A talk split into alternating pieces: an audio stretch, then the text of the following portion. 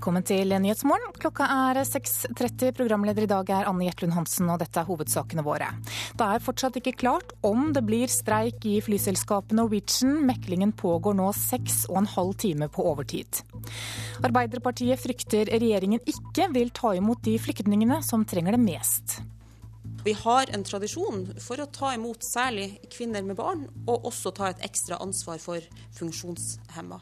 Og jeg mener at med vårt utgangspunkt så har vi en tung forpliktelse til å fortsette med det. Det sier Arbeiderpartiets nestleder Helga Pedersen. Og politiet føler seg maktesløse i møte med trafikkfarlige vogntog. Det sier UP-sjefen i Nordland. For, for oss så virker dette som et problem som vi overhodet ikke har styring med. Vi gjør det samme opp igjen og opp igjen, og det ser ikke ut som at det hjelper.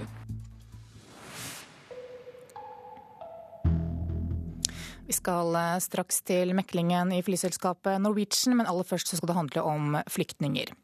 Arbeiderpartiet er redd for at den nye regjeringen ikke vil ta imot de flyktningene som trenger det mest.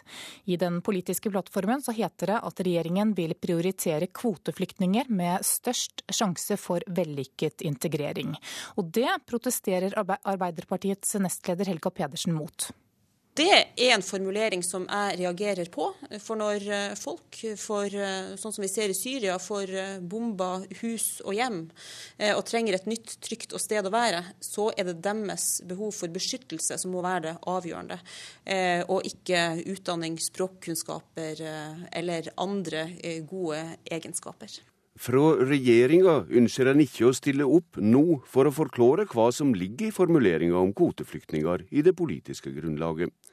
Derifra heter det at regjeringa først må drøfte spørsmålet med Venstre og Kristelig Folkeparti i Stortinget. Fra før vet vi at det har vært utfordringer med bosetting av flyktninger. Men her er det utgangspunktet som gjelder, mener Helga Pedersen, som er humanitært opprørt over regjeringsplattforma. Ja, eh, er det. Vi i Norge, eh, lille Norge, vi kan ikke hjelpe alle, men vi kan hjelpe noen. Og vi har en tradisjon for å ta imot særlig kvinner med barn, og også ta et ekstra ansvar for funksjonshemma. Og jeg mener at med vårt utgangspunkt så har vi en tung forpliktelse til å fortsette med det. Det sa altså Helga Pedersen, og reporter her var Bjørn Bø. Og det blir mer om dette i Politisk kvarter på P2 klokka 7.45. René Rafsol, du er ordfører i Råde kommune for um, Høyre. og For en tid tilbake så sa dere nei til å ta imot flere flyktninger. Hvorfor det? Det var to ting. Det ene gjaldt uh, at vi ikke hadde nok boliger. Og det andre er jo at det, uh, i forhold til ressursene som vi får fra staten, så kan det være utfordrende for kommunene rundt i Norge og også i Rådet. På hvilken måte? Nei, det er jo sånn at vi får et tilskudd over fem år. og når det gjelder eh, flyktninger, så er det stor variasjon. Eh, vi i Rådet ser jo alle flyktninger som en ressurs, men det er jo klart at noen krever mer ressurser enn andre. Og det har vi sett nå i siste, er at vi har fått veldig mye med analfabetisme å gjøre. Og da er det mye eh, arbeid både i forhold til skole og for å få dem ut i jobb. Så det er det tilskudd på fem år som man burde sett noe på, i hvert fall. Men hvis ikke dere skal ta imot eh, flere flyktninger, hvem skal gjøre det da? Nei, Kommunene har et ansvar, og det ser vi også. Så, men, men, i forhold til det man ber om, f.eks. For, for Rådes del, så er det 15 flyktninger hvert år. Eh, for 2014 så har vi sagt at vi tar imot fem, og for 2015 har vi sagt at vi tar imot ti. Så vi har et ansvar. Men samtidig så er det et landsdekkende ansvar. Og Det er også viktig at eh, sentrale statlige myndigheter også finner ressurser så vi kan gi en best mulig integrering og et best mulig humant opplegg for de vi tar imot. Ja, hva er det dere trenger? Nei, Vi, vi trenger bl.a. At, man, at man øker tilskuddet, rett og slett for at vi har helsesøstertjenesten, vi har skoletjenesten. Eh, det tar en stund før man får flyktninger integrert i samfunnet. Det er språkopplæring og den biten der. Og da rekker ikke alltid de pengene til. Men det gjelder vel egentlig alle kommuner, da kanskje? Det gjelder alle kommuner, og det er, det er, jo det som er utfordringen. Hvis man ser på de fleste kommunene, så sier de i dag at de tar imot, men de tar ikke imot så mange som er ønsket. Og det er det som er den store utfordringen. Vi skal ta vårt ansvar, men det er nok en gang viktig at staten eh, også bidrar. Eh, så det her er også et statlig anliggende, slik jeg ser det. Men i den politiske plattformen som vi hørte her, så heter det altså at regjeringen vil prioritere kvoteflyktninger med størst sjanse for en vellykket eh, integrering. Eh, hva ligger i det? Det må regjeringa svare for, det vet ikke jeg. Men nok en gang så har vi alltid sagt og alltid ment at uh, hver flyktning som kommer til Rådet er en ressurs. Men det er på en måte hvor mye ressurser vi bruker tilbake igjen som også er avgjørende for hvor mye hjelp vi kan gi. Hvordan syns dere at staten og sentrale politikere håndterer dette dilemmaet? Nei, Jeg syns eh, at de kunne blitt mye flinkere. Eh, jeg ser nå at IMDi begynner å komme på banen for å si noe og for å møte oss litt på veien. For det er jo klart det at vi ofte har en del ønsker. Eh, så ser jeg det at man ikke kan alltid få de ønskene man vil. Men likevel så er det viktig at man kommer i sammen og ser på mulighetene. Det er bl.a. i forhold til språkopplæring. Det går på det som har med tolketjenesten å gjøre. Og så kunne man også sett på muligheten kanskje for å gi penger til frivillige lag og foreninger, som kan hjelpe til i integreringsarbeidet sammen med kommunen. Men hvor mye penger er det som trengs da? Nei, Det er det som er Man har ikke et regnskap, og det syns jeg også hadde blitt feil. Det, det, hver flyktning har på en måte en, eh, en forskjellig og er individuelle. Eh, men det burde kanskje vært mulighet for at man kunne ha søkt på mer penger hvis det tok lengre tid å få personen eh, integrert i samfunnet. René Rafsol, ordfører i Råde, takk for at du kom hit til Nyhetsmorgen. Nå skal vi til konflikten i flyselskapet Norwegian. Fristen i meklingen mellom pilotene og ledelsen i flyselskapet gikk altså ut ved midnatt, men fortsatt sitter partene sammen. Og Det betyr at vi fortsatt ikke vet om det blir streik eller ikke. Og Reporter Espen Hatlestad på Bergen lufthavn Flesland, hvordan påvirker denne usikkerheten passasjerene nå på morgenen? Det er klart det at eh, de har eh, våknet opp og sjekket eh, nettavisene hele tiden. Jeg står altså i avgangshallen på Flesland. Titter opp på avgangstavle, eller boardingtavle, der du kan se når flyene går. Og Første flyet til Oslo har allerede gått med Norwegian, og så nå border de mot Stavanger og Sandefjord. Så alt er helt normalt her på Flesland foreløpig. Jeg står her med Øyvind Govik.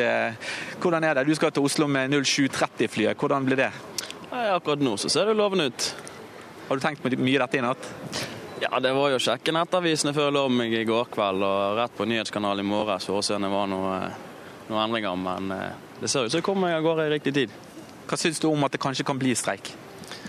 Jeg har jo forståelse for at eh, piloter eh, bruker de hjelpemidlene de kan for å, for å oppnå sine rettigheter. Men eh, Norwegian, som har allerede et frynsete rykte fra før av, eh, henger kanskje litt i en tynn tråd her. Men altså, det er en time til flyet ditt går. Eh, hva skjer dersom det blir streik og du ikke kommer om bord? For min del så har jeg en kurskoordinator som vil prøve å booke meg nye billetter eller finne meg en alternativ reisemåte til Oslo. Men jeg tror nok det er andre som har litt større stressfaktor enn meg, som gjerne skal til utlandsen eller den type ting. Du må ha god tur uansett. Takk skal du ha. Tilbake til Oslo. Vi skal til reporter Ellen Wiseth, du er hos Riksmekleren. Hva skjer der akkurat nå? Ja, her mekles det fortsatt bak lukka dører og lukka gardiner. Og nå er de altså seks og en halv time på overtid. Eh, Riksmekler Nils Dahlseide mm, har ikke vært ute eh, hos pressa nå siden klokka halv fem, men da sa han at det hadde vært framgang i løpet av natta, men at en del prinsipielle spørsmål fremdeles er vanskelig. Ja, hva er det vanskeligste punktet nå? Ja, denne Konflikten bunner jo i eh, at ledelsen ønsker å skille ut de skandinaviske pilotene i egne datterselskap. Eh, Parat fagforeninga beskriver det her som bemanningsselskap, og pilotene frykter at de skal miste opparbeida rettigheter, som f.eks. pensjonsrettigheter. Vet du noe om hva som har skjedd i løpet av natta? Eh, nei, de holder jo korta ganske tett til brystet, men det er de store prinsipielle spørsmåla som eh, blir drøfta. Det har gått folk eh, inn og ut. og nå kom faktisk Riksmeklingsmannen ut til oss, men Få liste deg bort. Ja, skal vi se. Han står nå i et intervju hos TV 2. Ja, reporter er altså på vei bort til Riksmekleren og ser om vi får høre hvordan det går med forhandlingene i Norwegian. Ja, nå blir vi dessverre stående litt i kø her. Ja, vi kommer tilbake til deg, Ellen Wiseth, eh, om noen få minutter. Da skal vi ta en kikk på dagens aviser og se hva de har på forsidene sine i dag. Aftenposten skriver at flere har tjent gode penger på å videreselge boliger fra Forsvaret. 600 boliger har Forsvaret solgt de siste fem årene, og de fleste selges langt under normal markedspris. Og mange av kjøperne har solgt eiendommen videre med god gevinst. Klassekampen forteller at miljøaktivister fra hele Norden møttes i Kautokeino i helgen. De jobber nå for å stanse nye miljøskadelige gruveprosjekter. Carl I. Hagen sier til Nasjonen i dag at finansminister Siv Jensen bør kutte landbruksstøtten med 1 milliard kroner neste år. Bondelaget sier at det vil være et klart brudd på jordbruksavtalen. Vårt Land forteller at nyhetsanker Siv Kristin Selman i NRK er blitt bedt om å ta av seg halskjedet sitt når hun skal på skjermen. Årsaken er at smykket hennes er et kors. Seks av ti norske ledere ber den nye regjeringen om ikke å røre arbeidsmiljøloven. Det skriver Dagsavisen i dag. YS tolker dette slik at loven i dag gir ledere nok fleksibilitet til å disponere sin arbeidskraft. Harde kutt i budsjettene vil ramme de eldre, det skriver Bergens Tidende. Flere av kommunene i Hordaland sliter med å få endene til å møtes. Og på Askøy så varsler rådmannen kutt på 71 millioner kroner, og at eldreomsorgen må ta støyten. Dagens Næringsliv forteller at oljefondets verdi stiger raskere enn antatt, og det fører til et rausere statsbudsjett, selv om regjeringen bruker en mindre andel av fondet.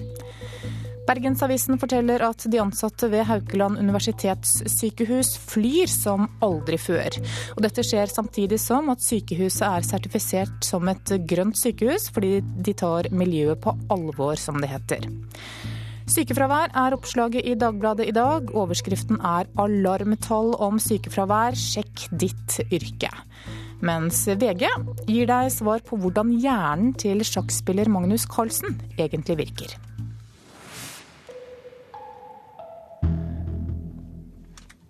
Skal vi til Eliteserien i fotball.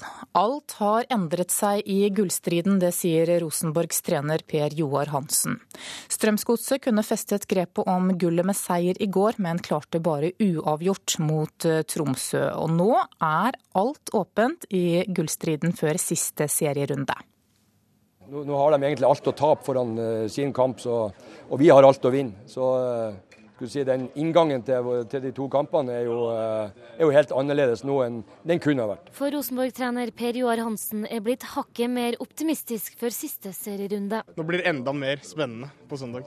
Der har Ola Kamara helt rett, for med Strømsgodset på tabelltopp kun ett poeng foran trønderne, er alt åpent i gullstriden. Nei, Det er jo sånn. Det er jo det du vil. De kampene du vil spille. Det er en kjempefinale. og det er nesten så jeg gleder meg allerede. Nei, det kommer til å bli bra, det. Det er jo ingen tvil om at det kommer til å skje heller. Jeg har stor tro på det.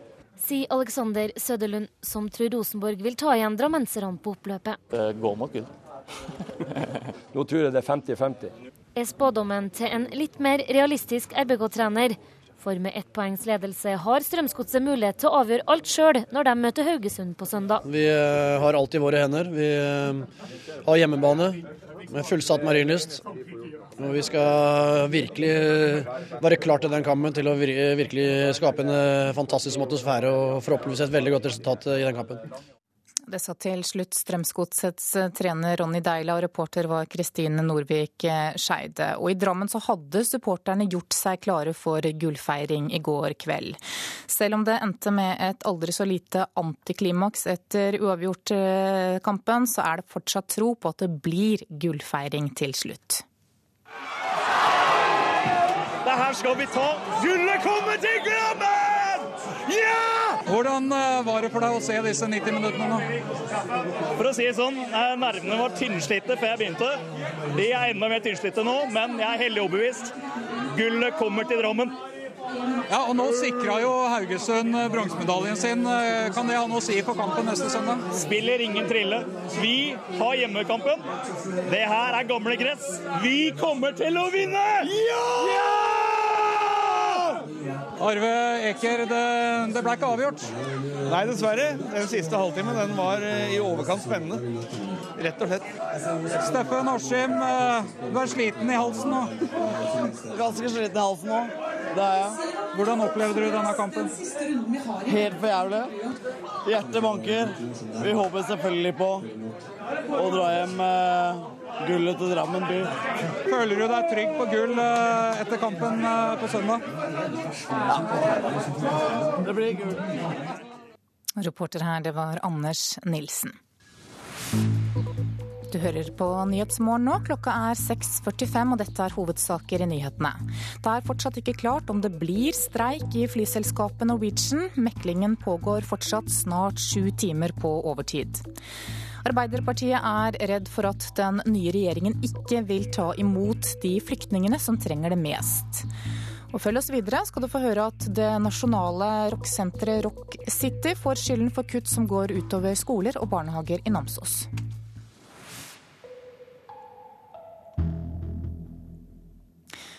Skal vi tilbake til meklingen i Norwegian. og Reporter Ellen Wiseth, du er altså hos Riksmekleren. Nærmer det seg en løsning nå, eller blir, blir det streik? Ja, Den som best kan svare på det, det er jo riksmekler Nils Dalseide. Og hva sier du, blir det streik i dag? Eh, Jeg vet jo ikke eh, med sikkerhet om det blir eller ikke blir det, men eh, nå, nå har vi jo drevet på i mange timer på overtid. og eh, men det er jo fordi vi arbeider med noe som har en mulighet for å føre fram. Så eh, jeg har iallfall ikke gitt opp eh, å prøve å få det til. Har det vært gjort framskritt nå i morgentimene i dag? Det har jeg. Eh, har, det er flere ting vi nå har fått til enn det vi hadde for eh, noen timer siden. Så det har jeg, men, men det sier ikke nødvendigvis at vi er i mål og at det vil føre fram. Men vi, men vi må liksom løse ting for ting, problem for problem. og det er det vi arbeider med nå. Ja, står partene fremdeles langt fra hverandre på de prinsipielle spørsmålene, som du sa sist? I utgangspunktet gjør det jo det, men eh, vi har fått en del eh, kan vi si, omkringliggende eh, løsninger som gjør at eh, avstanden, når du ser på det litt i fugleperspektiv, er mindre enn den var før. Så du har bedre håp eh, nå enn du hadde tidligere i natt? Ja, Jeg gir jo ikke opp uansett eh, om det ser mørkt ut, eh, men eh, jeg tenker at det er noe større mulighet for å få det til nå enn det var for noen timer siden, men at vi vet ikke utfallet ennå. Og Hvordan er stemninga i forhandlingsrommet nå? Den er bra, den. Det er vanskelige spørsmål, men alle gjør det så godt de kan. Men det er klart, vi er trøyt. Og det er, mange timer vi holder på siden fredagen, ikke sant? og i hele natt non-stop. Så eh, det er jo ikke liksom eh, Vi er ikke på vårt aller optima, mest optimale og raskeste, men vi jobber med det. Den er god. Takk til det, Nils Dalseide. Det var alt her fra Riksmekleren. Takk til deg, Ellen Wiseth. Vi holder kontakten eh, utover morgenen for å se om det blir streik i Norwegian eller ikke. Bøter og kjøreforbud hjelper ikke mot trafikkfarlige vogntog på vinterføre. Det mener sjefen for utrykningspolitiet i Nordland, Knut Danielsen. Han sier at de føler seg maktesløse med dagens regelverk. Det er god trening. Kan du måtte ha ekstra chili med deg. Ja, og du har sju kjettinger med deg? Elleve, tror jeg. Elleve, ja. Den svenske vogntogsjåføren Per Ullmann har utstyret i orden når han treffer på UP-sjefen. Men Ullmann kan fortelle at mange av hans utenlandske kollegaer er helt uforberedt i møte med det norske vinterføret. Jeg tror mange som kommer til Norge har ingen aning om hva de gir seg inn på. Nei. Ingen aning.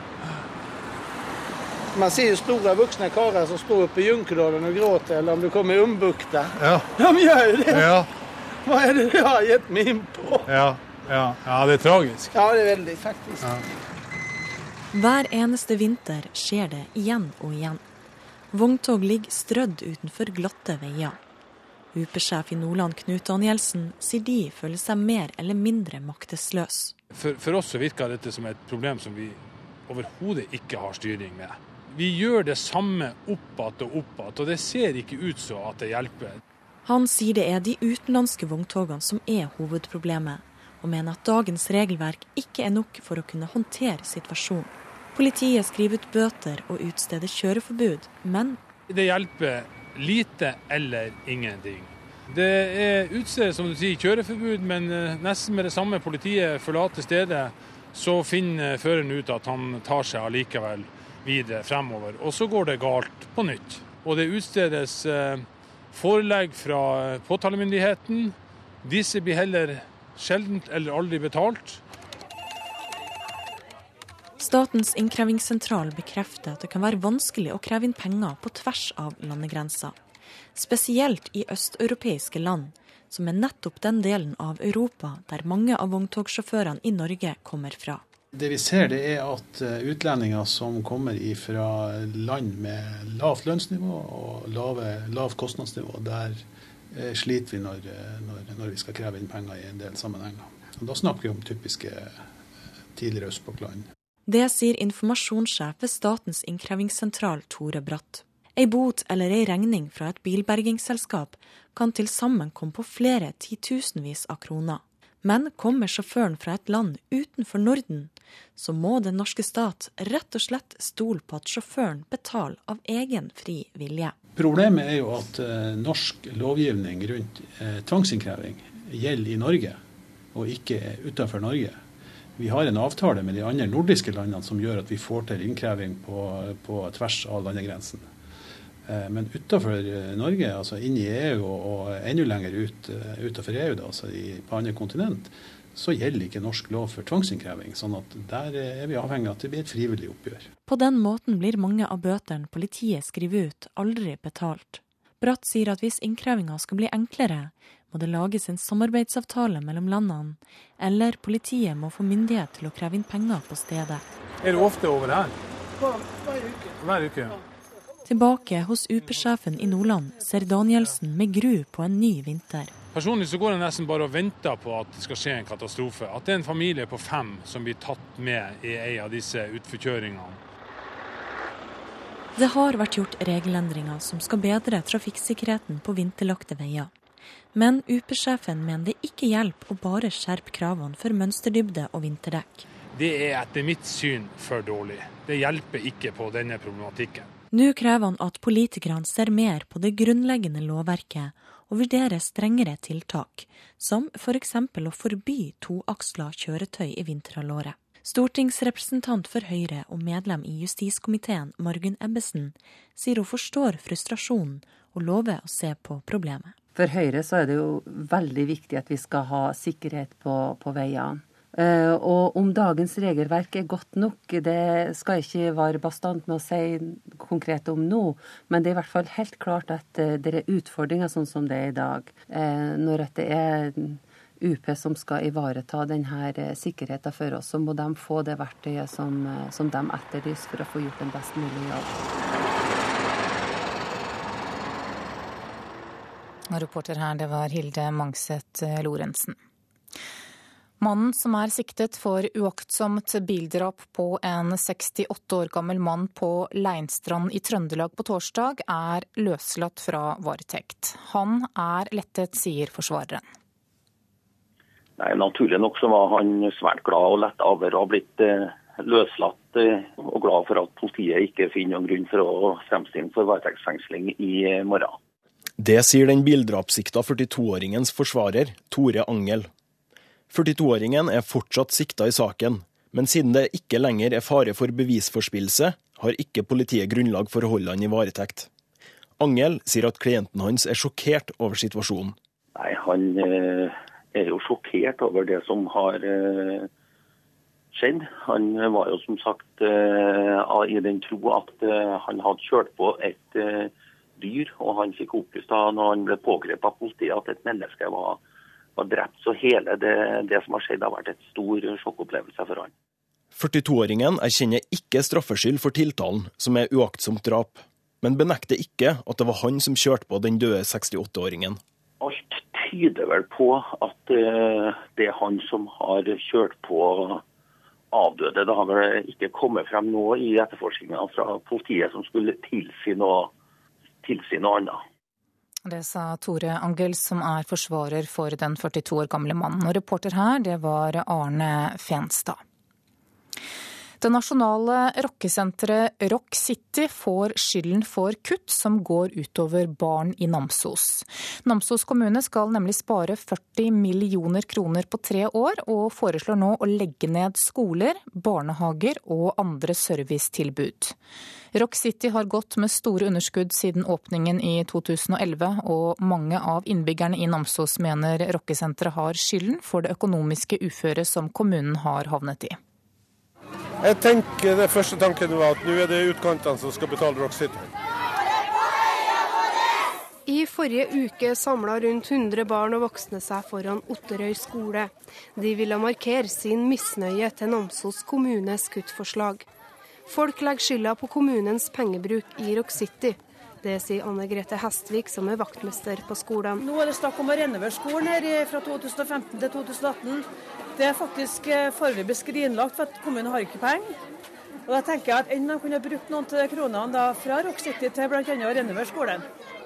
Da har vi klart å beholde både ungdomsskolen, eh, faktisk hele skolen fra første til tiende. Vi har klart å bevare barnehagen, vi har klart å bevare bo- og servicesenteret. Vi kunne hatt et godt samfunn utpå for tross alt vi er 850 innbyggere her. Namsos kommune må spare over 40 millioner kroner på tre år. Og da foreslås det å legge ned flere skoler, barnehager og andre servicetilbud. Namsos kommune bruker mer penger enn andre kommuner de kan sammenligne seg med. Derfor må de kutte i sine tilbud. Folk påpeker at bare Rock Citys åpningsfest til 1 million kroner kunne ha holdt en skole gående i tre år. Robert Westerlund er pensjonert rektor på Otterøy. Politikerne i Namsos har jo ført Namsos inn i et hjørne. Og eh, jeg var livredd for at den regninga skulle betales fra distriktene. Rock City ble åpna i 2011 og skulle være norsk ressurssenter for pop og rock.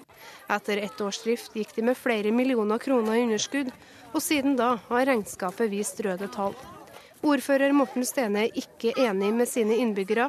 Rock City har ikke skylda for den økonomiske uføren kommunen er inne i, ifølge ordføreren. Det, det her er at Namsos kommune må uh, redusere driftsnivået, har ikke noe med Rock City å gjøre. Uh, vi har over mange år hatt et altfor høyt uh, kostnadsnivå på tjenestene, så, så det her har kommet uansett Rock City eller ikke. Kuttforslagene skal behandles. I mellomtida har kommunen vedtatt at de skal vurdere å kjøpe hele Rock City for 120 millioner kroner. På den måten skal de spare penger på lengre sikt. Uansett resultat så må det kuttes i pengebruken i Namsos kommune. Ja, og Reporter her, det var Kaja Kristin Næss. Da skal vi se på et værvarsel som gjelder til eh, midnatt. Fjellet i Sør-Norge kan vente seg nordvestlig bris i dag, og enkelte snøbyger. Østlandet skiftende bris, på kysten sørvestlig frisk bris. Noen regnbyger, særlig øst for Oslo. Telemark og Agder skiftende bris. På kysten minkende til sør-vestlig frisk bris. Enkelte regnbyger, senere enkelte regnbyger lengst vest og på kysten. Ellers opphold og en del sol. Vestlandet må belage seg på skiftende bris i dag. Fra i ettermiddag nordvestlig frisk bris på kysten av Rogaland. Enkelte regnbyger og perioder med sol. Trøndelag sørøstlig liten kuling. Fra i ettermiddag frisk bris. Litt regn i sør og øst. Snø i høyden, ellers etter hvert oppholdsvær. Helgeland, Saltfjellet, Salten og Ofoten sørøstlig stiv kuling, minkende til frisk bris. Litt sludd og snø i grensestrøkene, ellers etter hvert stort sett oppholdsvær. Lofoten og Vesterålen sørøstlig frisk bris, til dels pent vær. Troms sørøstlig liten kuling utsatte steder, til dels pent vær. Kyst- og fjordstrøkene i Vest-Finnmark sørlig opp i stiv kuling og til dels pent vær. Finnmarksvidda sørlig bris, litt snø i sør, ellers opphold. Øst-Finnmark sørvestlig stiv kuling utsatte steder, i kveld sørlig liten kuling og ellers oppholdsvær. Og på Nordensjøland på Spitsbergen er det ventet østlig frisk bris i dag. Opphold fra i ettermiddag østlig stiv kuling og litt snø. Så tar vi med noen temperaturer som ble målt klokka fire i morges. Da hadde Svalbard lufthavn minus åtte grader, Kirkenes null, Vardø tre, Alta to, Tromsø-Langnes minus én, Bodø 5, Brønnøysund 7, Trondheim 4, Molde 7, Bergen-Flesland 3, Stavanger 6, Kristiansand 7, Gardermoen og Lillehammer 5, Røros 1 og på Oslo-Blindern så var det 7 grader da klokka var 4 i morges.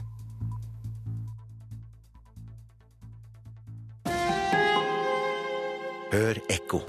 Både i Europa og her hjemme blir det tydeligere og tydeligere. Vi har rett og slett ikke råd til all velferden vi har bevilget oss. Så hva gjør vi? Skal vi kutte i godene? Betale mer skatt? Eller kanskje det finnes andre smarte løsninger? Hør Ekko på mandag. Ekko 9 til 11 i NRK P2.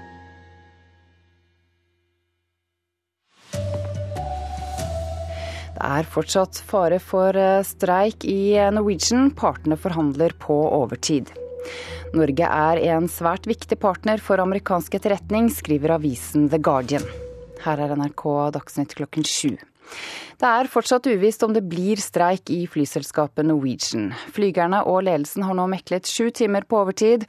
Og reporter Espen Hatlestad, du er på Bergen lufthavn Flesland. Hva skjer der nå?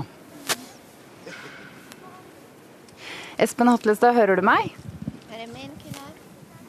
Nei, du hører meg ikke. Da kommer vi tilbake til deg litt senere, Espen Hatlestad fra, fra Bergen lufthavn Flesland. Riksmekler Nils Dahlseide har i hvert fall tro på en løsning. Vi har fått en del eh, kan vi si, omkringliggende eh, løsninger som gjør at eh, avstanden, når du ser på det litt i fugleperspektiv, er mindre enn den var før. Så du har bedre håp nå enn du hadde tidligere i natt? Ja, Jeg gir jo ikke opp uansett uh, om det ser mørkt ut, uh, men jeg tenker at det er noe større mulighet for å få det til nå enn det var for noen timer siden, men at vi vet ikke utfallet ennå. Og Hvordan er stemninga i forhandlingsrommet nå? Den er bra. den. Det er vanskelige spørsmål, men alle gjør det så godt de kan. Men det er klart, vi er trøyt. Og det er mange timer vi er heldige på siden fredagen, ikke sant? og i hele natt nonstop. stop. Så eh, det er jo ikke liksom eh, Vi er ikke på vårt aller optima, mest optimale og raskeste, men vi jobber med det. Reporter her var Ellen Wiseth. Norge er en svært viktig samarbeidspartner for amerikansk etterretning. Det viser dokumenter fra den amerikanske avhopperen Edward Snowden. I et av dokumentene som den britiske avisen The Guardian har fått tilgang til, går det frem at Norge og Danmark spiller en sentral rolle i National Security Agencies overvåkning av data og teletrafikk. Mange av eh, bøtene som utenlandske vogntogsjåfører får i Norge, blir aldri betalt. Det opplyser både politi og Statens innkrevingssentral. Manglende samarbeidsavtale og om pengeinnkreving på tvers av landegrensene gjør at norske myndigheter eh, må stole på at sjåfører betaler av egen fri vilje. Det sier informasjonssjef ved Statens innkrevingssentral, Tore Bratt. Det vi ser, det er at eh, utlendinger som kommer fra land med lavt lønnsnivå og lavt kostnadsnivå, der eh, sliter vi når, eh, når, når, vi skal kreve inn penger i en del sammenhenger. Og da snakker vi om typiske tidligere østblokkland. Rundt 1500 malerier som nazistene stjal før og under andre verdenskrig, er funnet i en leilighet i München. Verdien er anslått til rundt 8 milliarder kroner. NRK Dagsnytt, Ida Creed.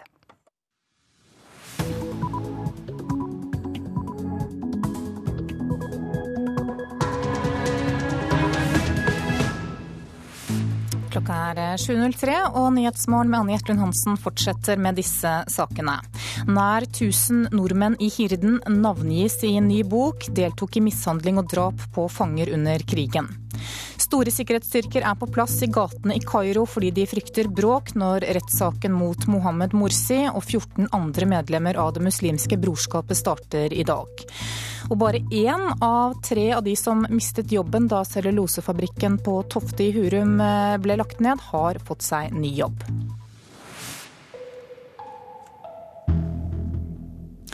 Tilbake til disse sakene straks. Hovedsaken i dag er altså konflikten i flyselskapet Norwegian. Fristen i meklingen mellom flygerne og ledelsen i selskapet gikk ut ved midnatt, men fortsatt sitter partene sammen. Og reporter Ellen Wiseth, du er hos eh, Riksmekleren og snakket med han for noen få minutter siden. Er det nå satt noen rammer for hvor lenge de skal få holde på? Nei, det er det ikke. Og Riksmekleren sjøl sier at det tar minst to timer før han kan si noe mer om eh, det går mot en enighet eller eh, mot et brudd. Eh, nå er de altså sju timer på overtid, og det er fortsatt prinsipielle spørsmål som er på dagsordenen, og som fortsatt er vanskelig. Ja, hvordan foregår denne meklingen i øyeblikket? Sitter partene sammen? Ja, nå sitter de eh, sammen eh, og blir ledet av riksmekler Nils Dahlseide. Han kommer også ut på gangen og orienterer pressen med jevne mellomrom. Eh, Stemninga skal være god, sier han, og det har vært framgang i løpet av morgentimene i dag. Kort, hva er det vanskeligste punktet å bli enige om i denne meklingen? Ja, Bruddet i forhandlingene skjedde jo fordi ledelsen ønska å skille ut de skandinaviske pilotene i egne datterselskap. Eh, Fagforeninga frykter at dette blir noen slags bemanningsselskap, og at de skal miste eh, rettigheter som de har i dag, bl.a. pensjonsrettigheter. Hva skjer dersom det blir streik, når stanser flyene da? Ja, Da må eh, Norwegian varsle sine passasjerer og sine ansatte. Og altså 603 piloter vil legge ned arbeidet. Det vil også føre til at eh, et stort antall kabinpersonale blir permittert. Vi skal videre til Trondheim lufthavn Værnes. Der er du reporter Bjørn Solli. Hvordan påvirker denne usikkerheten passasjerene der du er nå? Påvirke dem i det hele tatt. Her eh, går livet som normalt, skulle jeg til si. Det har vært ganske roligere en halvtime nå, men det er tydelig at vi er på vei inn i det store rushet. Og jeg står foran eh, tavla eh, over avganger, og her er det jo nå da den eh, Norwegian-avgangen til Oslo. Gate 35. Der er det go to gate nå, slik at alt sammen eh, er som på en vanlig mandag. Og eh, lufthavnsjef eh, Per Jarle Ingstad, hva du tror du? Derfor jeg spør om det først. Nei, Det er jo et veldig godt tegn at flyene går jo som normalt hjem. Og passasjerene møter opp som normalt, forhåpentligvis. Da er det jo veldig greit. Da går det som vanlig. Hvilke konsekvenser får det for dere hvis det da skulle bli full stopp for Norwegian? For lufthavna altså, må vi jo bare forberede eh, en eventuelt flytting av noen fly som gjør at de flyene som ikke skal gå, ikke blokkerer for de flyene som skal gå. Og Det har vi nå lagt en eh, plan på. Utover det så eh, er det nok flyselskapet og Helling-selskapet som får det verste trykket. Ja. Vi skal eh, snakke litt med flyselskapene og sånn litt senere, har jeg tenkt. Men i alle fall enn så lenge så går det fint både i sikkerhetskontroll og ved gatene her på Værnes i Trondheim. Jeg må spørre deg, Bjørn Solli, du har snakket med en del passasjerer i dag. Hvor, da, hvor ligger sympatien blant de du har snakket med? Har de forståelse for kravet fra flygerne? Det er litt forskjellig. Eh, veldig mange er opptatt av at de skal komme oss i vei. er det mange som har prøvd å booke om til et tidligere fly f.eks.? Det har jeg ikke spurt dem spesielt om. De eh, er glad når de kommer her og, og ser at uh, ting fungerer som normalt. Og uh, haster igjennom for å nærmest snarest mulig komme seg på flyet. For de tenker vel som så at hvis de først har kommet på plass i setet, så vil de bære seg i vei. Takk skal du ha, reporter Bjørn Solli. Og så hørte vi altså vår reporter hos Riksmekleren si at det i hvert fall kunne drøye et par timer til før vi får svar på om det blir streik eller ikke. Nesten 3000 jugoslaviske fanger mistet livet i nazistenes fangeleire i Norge under krigen. Færre kjenner til at også mange nordmenn drepte eller mishandlet fanger i disse leirene. Men i dag kommer en bok der NRK-journalist Eirik Veum offentliggjør navnene på nesten 1000 norske fangevoktere og andre medlemmer av Hirden som ble dømt etter krigen.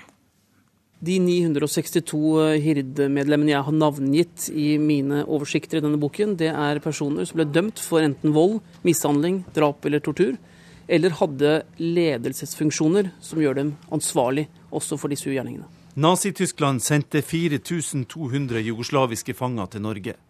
Her ble de holdt under forferdelige forhold, og bare en tredel av dem overlevde.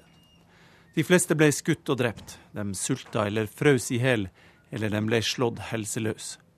Oftest av SS, men også av nordmenn, bekrefter Mikael Stokke ved Narvik-senteret, som forsker på jugoslavene sin skjebne i Norge. Rundt 400 nordmenn var fangevoktere, bl.a. på veiarbeid i Nord-Norge. Dessverre så var det en del som utnyttet situasjonen til å bruke bajonetter på dem, og til å skyte fanger rett ned uten noen som helst grunn. I bokserien 'Nådeløse nordmenn' der det her er den andre boka, har Eirik Veum nærmest gjort det til sitt varemerke å trykke liste over nordmenn som gikk nazistene sitt ærend, og fortelle hva slags forbrytelser de gjorde seg skyld i. Mens den forrige boka handla om det nazifiserte statspolitiet, tar Veum denne gangen for seg den paramilitære delen av Nasjonal Samling, Hirden. Hird-medlemmer tok del i noen av de verste krigsforbrytelsene som fant sted på norsk jord under hele andre verdenskrig. I ett tilfelle beskriver Veum en soldat som sitat Slår så hardt med geværet at geværkolben knekker. Og videre I ett tilfelle ble tolv jugoslaviske fanger jaget nakne ut i snøen av en norsk lagfører og tre vaktsoldater. Samtlige frøs i hjel i løpet av natten. Bare 50 av 400 norske fangevoktere ble dømt da krigen var slutt, 21 av dem for drap. Denne delen av krigshistorien har fått mindre oppmerksomhet enn motstandskampen, sier Eirik Veum. Mye av dette passer ikke inn i den norske versjonen av krigshistorien.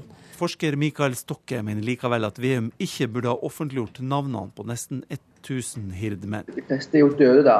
Da er det jo egentlig familien som vil få belastning ved å høre om dette nå.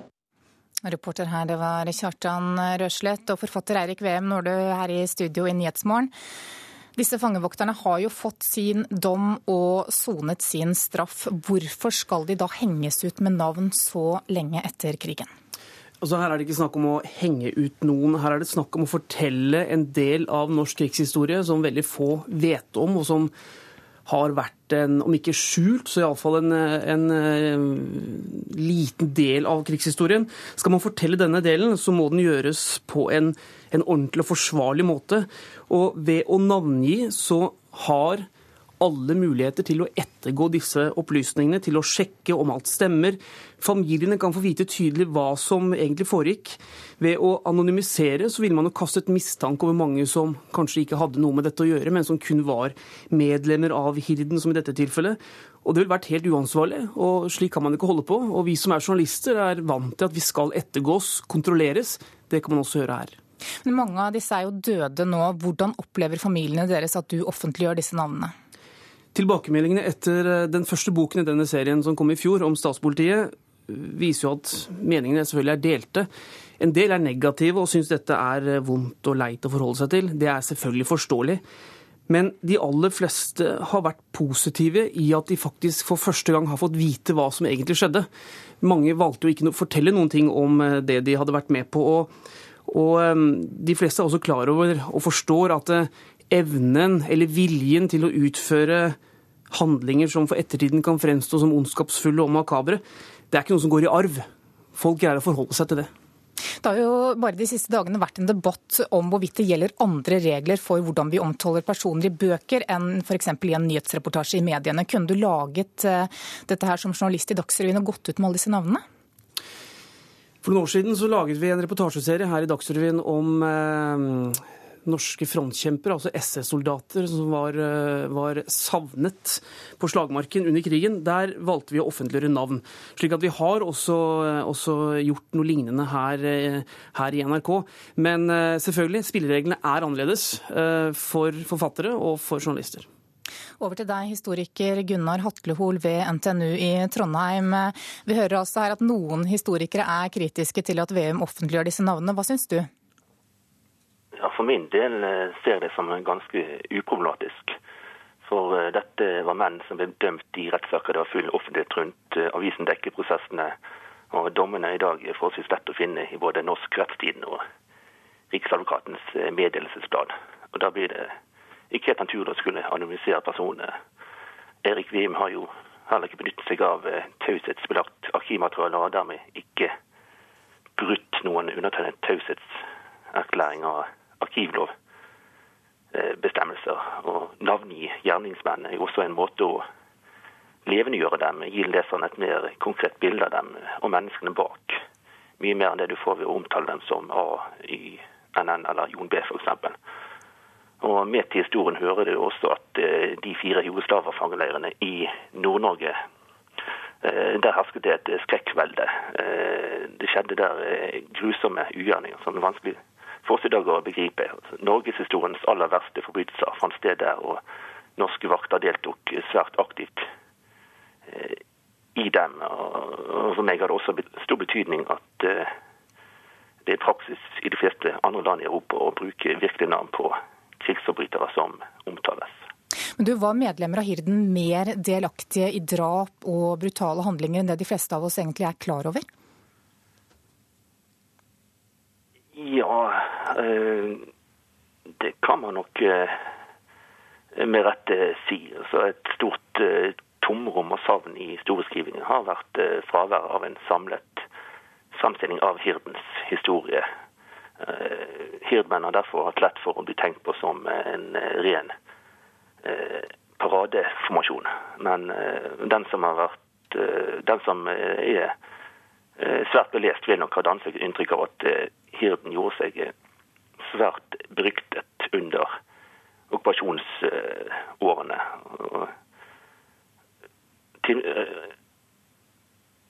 De var Når det gjelder hvordan de opptrådte i forhold til tyskerne, så kan vi vel si at ja, norske vitner, både naboer og arbeidere på Jugoslaviens arbeidsplass utenfor fanglene, var jo etterpå enige om at norske vaktmannskaper var like ille som de tyske. Det var egentlig ikke mulig å spore noen forskjell i deres brutale fremferd mot fangene. Flere vitner mente jo enda til at nordmenn i en del tilfeller var enda verre. Og, dette er observasjoner som bekreftes av vitnemål fra de jugoslaviske fangene. Over til deg, Veum. Er du enig i det? Ja, det mm, viser jo også fangenes egne beskrivelser at eh, nordmennene, og særlig de yngste, altså de yngste drapsmennene med norsk opphav, var altså 15 år gamle. Og det fangene selv sier, var at eh, de tyske vaktsoldatene var brutale, men eh, de la bånd på seg når de forsto at de gikk over streken. Nordmenn gjorde ikke det. Og det var jo også så ille at eh, det tyske SS de fjernet jo etter hvert de norske fangevokterne. De tok fra dem bajonettene, de tok dem ut av tjenesten fordi de var for brutale og greide ikke å behandle fangene med en viss form for verdighet. Takk for at du kom til Nyhetsmorgen, Eirik Veum, og takk også til historiker Gunnar Hatlehol ved NTNU i Trondheim. Det er klokka 7.17. Du hører på Nyhetsmorgen nå, altså. Dette er hovedsakene våre. Det er fortsatt ikke klart om det blir streik i flyselskapet Norwegian. Meklingen pågår fortsatt. Nær 1000 nordmenn i Hirden navngis i ny bok. De deltok i mishandling og drap på fanger under eh, krigen. Og følg med oss videre, så skal du bl.a. få høre at bare én av tre som mistet jobben da cellulosefabrikken Södra Cell på Tofte i Hurum ble lagt ned, nå har fått seg ny jobb.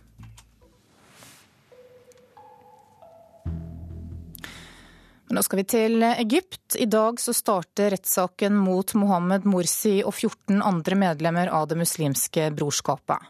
Den avsatte presidenten er bare én av mange medlemmer i brorskapet som er pågrepet siden kuppet i juli. Og menneskerettighetsaktivister frykter at når myndighetene har gjort seg ferdig med islamistene, så kommer turen til dem. Osama Khalil er ikke uvant med harde tak. Han leder menneskerettighetsorganisasjonen Hesham Mubarak-senteret her i Kairo, som bistår med juridisk hjelp. Han har under tidligere perioder vært vitne til myndighetenes hardhendte behandling av sine motstandere. Og nå skjer det igjen.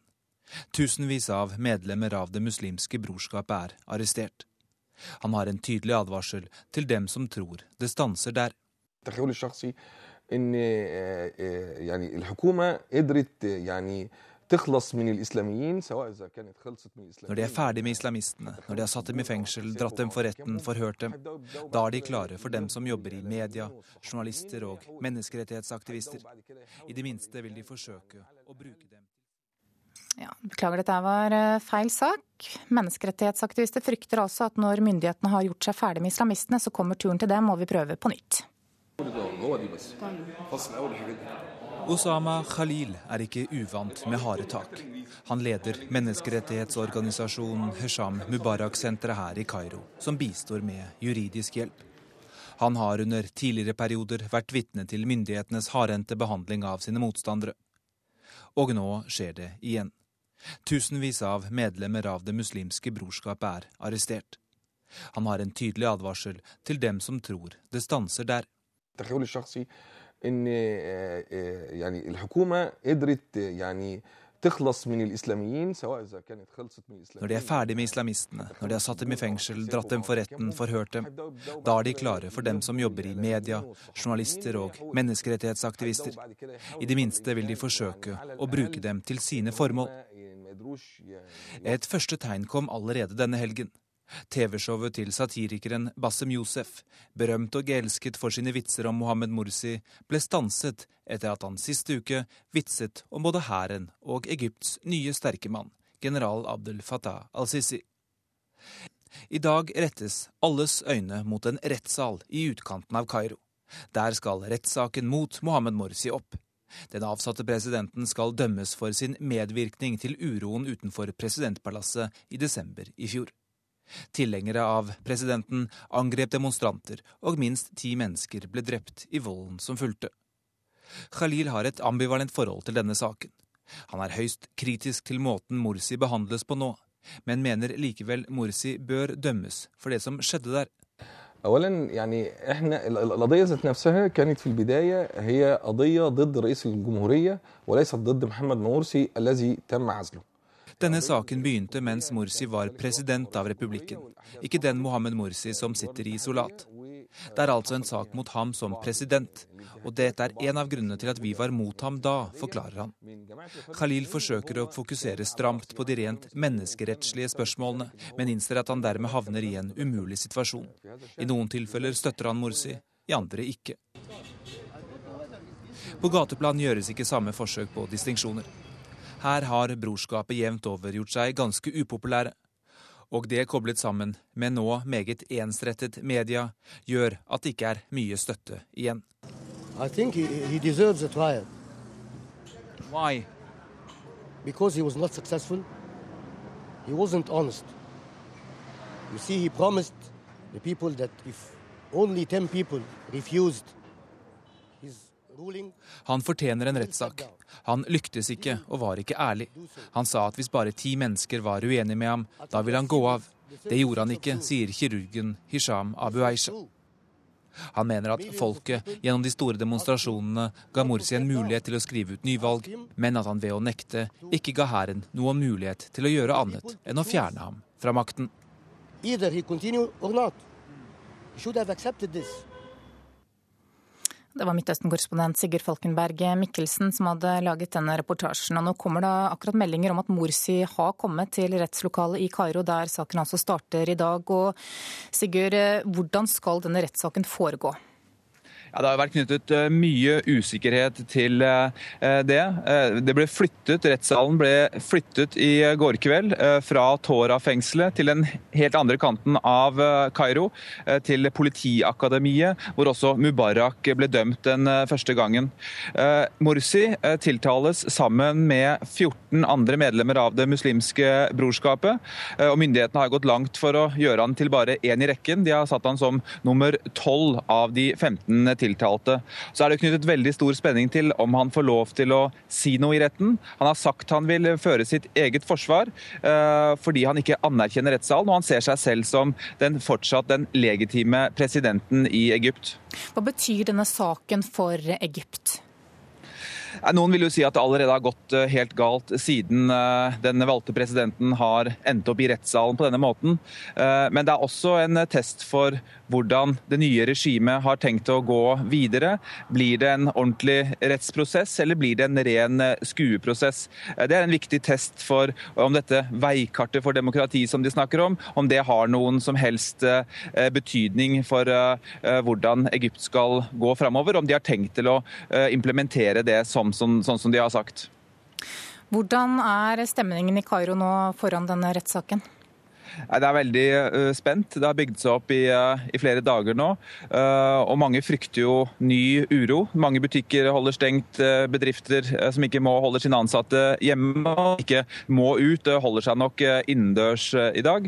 og Det som altså er skremmende her, er jo at den saken Morsi skal opp for nå, er en sak hvor det ble drept minst ti mennesker. Jeg var der da det skjedde. Det var en veldig stygg affære. Men siden den gang så har jo det blitt drept veldig mange flere. og Det virker på meg som om ikke folk bryr seg på samme måten, og at det er en form for sivilitet og framtidstro som har blitt borte siden da. Takk for at du var med i Nyhetsmorgen, Midtøsten-korrespondent Sigurd Falkenberg Mikkelsen. Skal vi ta en kikk på dagens aviser og se hva de har på forsidene sine i dag. Aftenposten skriver at flere har tjent gode penger på å videreselge boliger fra Forsvaret.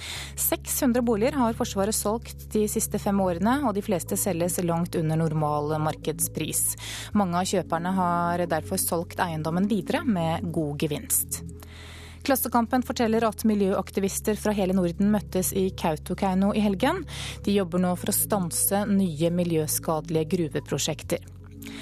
Carl I. Hagen sier til Nasjonen i dag at finansminister Siv Jensen bør kutte landbruksstøtten med 1 milliard kroner neste år. Bondelaget sier at dette vil være et klart brudd på jordbruksavtalen. Vårt Land forteller at nyhetsanker Siv Kristin Selman i NRK er blitt bedt om å ta av seg halskjedet sitt når hun skal på TV-skjermen. Årsaken er at smykket er et kors. Seks av ti norske ledere ber den nye regjeringen om ikke å røre arbeidsmiljøloven. Det skriver Dagsavisen i dag. YS tolker det slik at loven i dag gir ledere nok fleksibilitet til å disponere arbeidskraften sin. Harde kutt i budsjettene vil ramme de eldre, det skriver Bergens Tidende. Flere av kommunene i Hordaland sliter med å få endene til å møtes, og på Askøy så varsler rådmannen kutt på 71 millioner kroner, og at det er eldreomsorgen som må ta støyten. Dagens Næringsliv forteller i dag at oljefondets verdi stiger raskere enn antatt. Dette fører til et rausere statsbudsjett, selv om regjeringen bruker en mindre andel av fondet. Bergensavisen forteller at de ansatte ved Haukeland universitetssykehus flyr som aldri før. Og dette skjer samtidig som at sykehuset er sertifisert som et grønt sykehus, fordi de tar miljøet på alvor. Sykefravær er oppslaget i Dagbladet i dag. Overskriften er 'Alarmtall om sykefravær sjekk ditt yrke'. Mens VG gir deg svar på hvordan hjernen til sjakkspiller Magnus Carlsen egentlig virker.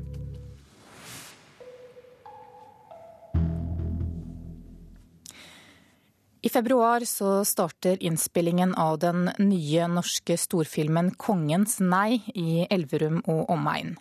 Filmen har et budsjett på rundt 50 millioner kroner, og denne storsatsingen vil nærings- og reiseliv i distriktet benytte seg av. Det var nok problemer å ta fatt på da det grydde av dag den 10. april 1940. I sannhet en avgjørende dag i vår historie. Vi måtte ta stilling til kamp eller overgivelse. Andre verdenskrig har kommet til Norge, og kongen er på flukt. Flukten og kongens nei til nazistene skal nå bli film. I februar starter innspillingene i Elverum og Hamar-regionen. Dette må resultere i mer enn bare filmen.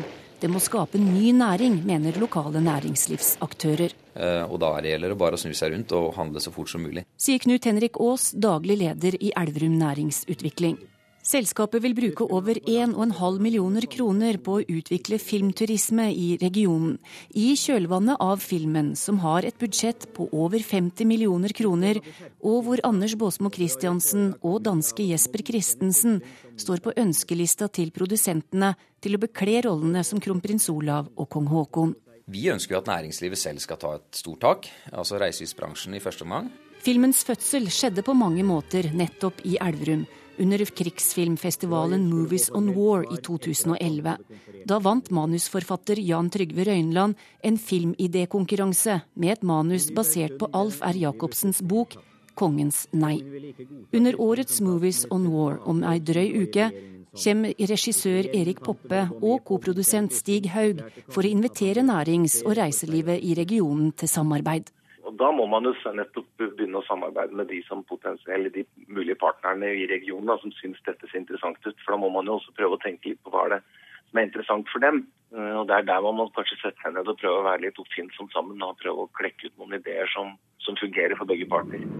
En rakrygget konge som ikke bøyde seg for overfallsmennenes skjendige krav, men valgte å kjempe for sitt land, måtte flykte unna forhandlernes bomber. En helt konkret idé har Knut Henrik Aas hentet fra Stockholm.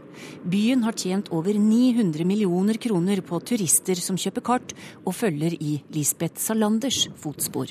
Man kan jo drømme, da. Får vi jo se. Men vi vet jo det at det er populært der borte å følge Lisbeth Salanders sine fotspor. Og det burde jo være spesielt interessant da, å følge kongen sine fotspor med tyskerne i nakken. Det er klart at det er interessant for utenlandske turister også.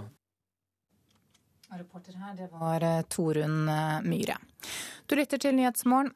Det nærmer seg 7.30 og Dagsnytt. Så minner jeg om at i Politisk kvarter klokka 7.45 så skal vi høre at regjeringens politiske plattform om kvoteflyktninger skaper reaksjoner.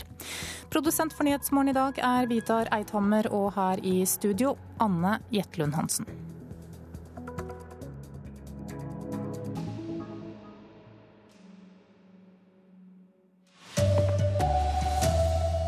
Usikre Norwegian-passasjerer på Norges flyplasser vet ennå ikke om de får reise. Også nordmenn drepte og mishandlet jugoslaviske fanger under krigen. Nå blir de navngitt. Egypterne frykter nye gateslag. I dag starter rettssaken mot den avsatte presidenten. Her er NRK Dagsnytt klokken 7.30. Norwegian-passasjerer biter fortsatt negler og er usikre på om de kommer seg av gårde. Det er fortsatt uvisst om det blir streik i flyselskapet. Flygerne og ledelsen har nå meklet over sju timer på overtid. På Flesland flyplass i Bergen venter passasjerene på om de kommer seg av gårde nå på morgenkvisten. En av dem er Martin Sivertsen, som må ta fly for å komme seg på jobb. Jeg har vel fulgt med hele gårsdagen og i dag tidlig. Er du spent? Veldig. Så ja, forventer vel at uh, det blir ikke noe mindre reisevei, tror jeg.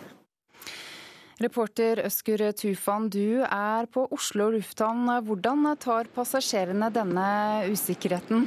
Her på Oslo lufthavn så er det de vanlige køene som man kan forvente på en mandagsmorgen. Passasjerene er usikre. Det er flere som har sjekket nettavisene før de dro til eh, Oslo lufthavn i dag for å se om det faktisk er streik eller ikke. De blir oppfordret til å legge, ja, altså sjekke inn som vanlig inntil videre. Jeg har med meg administrerende direktør ved Oslo lufthavn, eh, Nick Nilsen. Hva kommer dere til å foreta dere hvis det blir streik her? Ja, hvis det blir streik her, så må vi jo hjelpe til med å ivareta passasjerene på en best mulig måte, basert på den informasjonen vi får fra Norwegian. Da vil vi oppdatere våre nettsider, våre Facebook-sider og våre Twitter-sider, slik at vi kan informere best mulig. I tillegg så må vi parkere flyene til Norwegian på en intelligent måte, slik at de ikke blokkerer for annen trafikk. Har dere tatt til høyde for at det kan bli streik her? Ja, Mentalt har vi tatt høyde for det, men det tror jeg vi skal få håndtere på en ja, akseptabel måte hvis det skjer. Det er selvfølgelig aldri hyggelig med streik, men vi må hjelpe til å støtte Norwegian i deres håndtering av passasjerene i en sånn situasjon. Og Inntil videre så er det i hvert fall normal drift her på Oslo lufthavn. Passasjerene sjekker inn som vanlig, og det er ingen antydninger til at det er streik. Og Riksmekler Nils Dahlseide innrømmer nå at det begynner å ta på, sju og en halv time etter at meklingsfristen gikk ut. Vi ser en noe større mulighet nå for, enn for noen timer siden, sier han. Vi har løst flere spørsmål enn vi hadde løst i natt, kan du si, tidlig i natt. Sånn at vi har kommet et stykke videre. Men det er, ingen kan si om det vil føre fram eller ikke ennå. Hva er det som er vanskelig nå? Det er slik at det er fortsatt avstand mellom partene på enkelte punkt. Og da er det vanskelig å få redusert den avstanden. Hvordan er stemningen i forhandlingsrommet? Den er bra, men det er klart alle er trøtt etter så mange timer på overtid, og det går litt saktere med å stå, så, sånn at det tar litt mer tid. Reporter Ellen Omland. Og, og reporter Ellen Wiseth hos Riksmekleren, hva er det flygerne og lederne forhandler om nå? Ja, Selve stridens kjerne er jo et ønske fra ledelsen om å skille ut de skandinaviske pilotene i egne datterselskap. I dag så er de jo ansatt i morselskapet Norwegian. Pilotene beskriver de nye tenkte selskapene som bemanningsselskap, og frykter at de vil miste rettigheter som de har i dag, bl.a. pensjonsrettigheter. Når vet vi om det blir streik eller ikke? Ja, Det er ikke så godt å si. Riksmekler Nils Dahlseide har sagt at vi må vente i alle fall en time til før han kan si noe mer om det vil nærme seg en løsning eller gå mot et brudd. Takk til deg, reporter Ellen Wiseth hos Riksmekleren. Det er altså fortsatt fare for streik i Norwegian.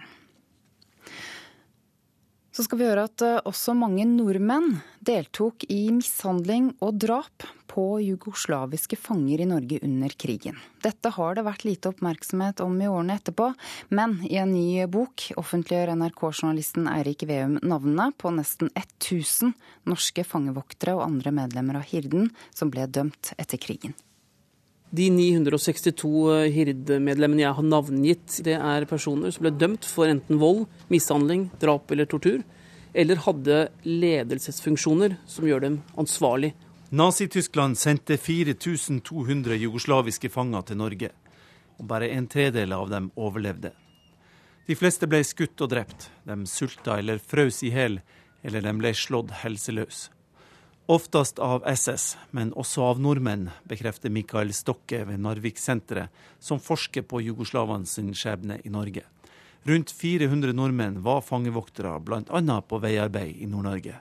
Dessverre så var det en del som utnyttet situasjonen til å bruke bajonetter på dem, og til å skyte fanger rett ned uten noen som helst grunn. Hird-medlemmer tok del i noen av de verste krigsforbrytelsene som fant sted på norsk jord under hele andre verdenskrig. I ett tilfelle ble tolv jugoslaviske fanger jaget nakne ut i snøen av en norsk lagfører og tre vaktsoldater. Samtlige frøs i hjel i løpet av natten. Bare 50 av 400 norske fangevoktere ble dømt da krigen var slutt, 21 av dem for drap. Denne delen av krigshistorien har fått mindre oppmerksomhet enn motstandskampen, sier Eirik Veum. Mye av dette passer ikke inn i den norske versjonen av krigshistorien. Forsker Mikael Stokke mener likevel at Veum ikke burde ha offentliggjort navnene på nesten 1000 hirdemenn. De fleste er jo døde da. Da er det jo egentlig familien som vil få belastning ved å høre om dette nå. Reporter her var Kjartan Rørslett. Så har vi akkurat fått inn en melding om at en mann er stukket med kniv og drept i Bergen. Gjerningsmannen er ikke pågrepet. I dag begynner rettssaken mot Egypts avsatte president Mohammed Morsi. Han har blitt holdt på ukjent sted av landets nye myndigheter siden i sommer, og nå er det frykt for ny uro i landet. Det er et splittet Egypt som i dag skal følge med på rettssaken mot Mohammed Morsi. På den ene siden er det brorskapet og deres støttespillere, som siden kuppet har arrangert små demonstrasjoner til støtte for den avsatte presidenten.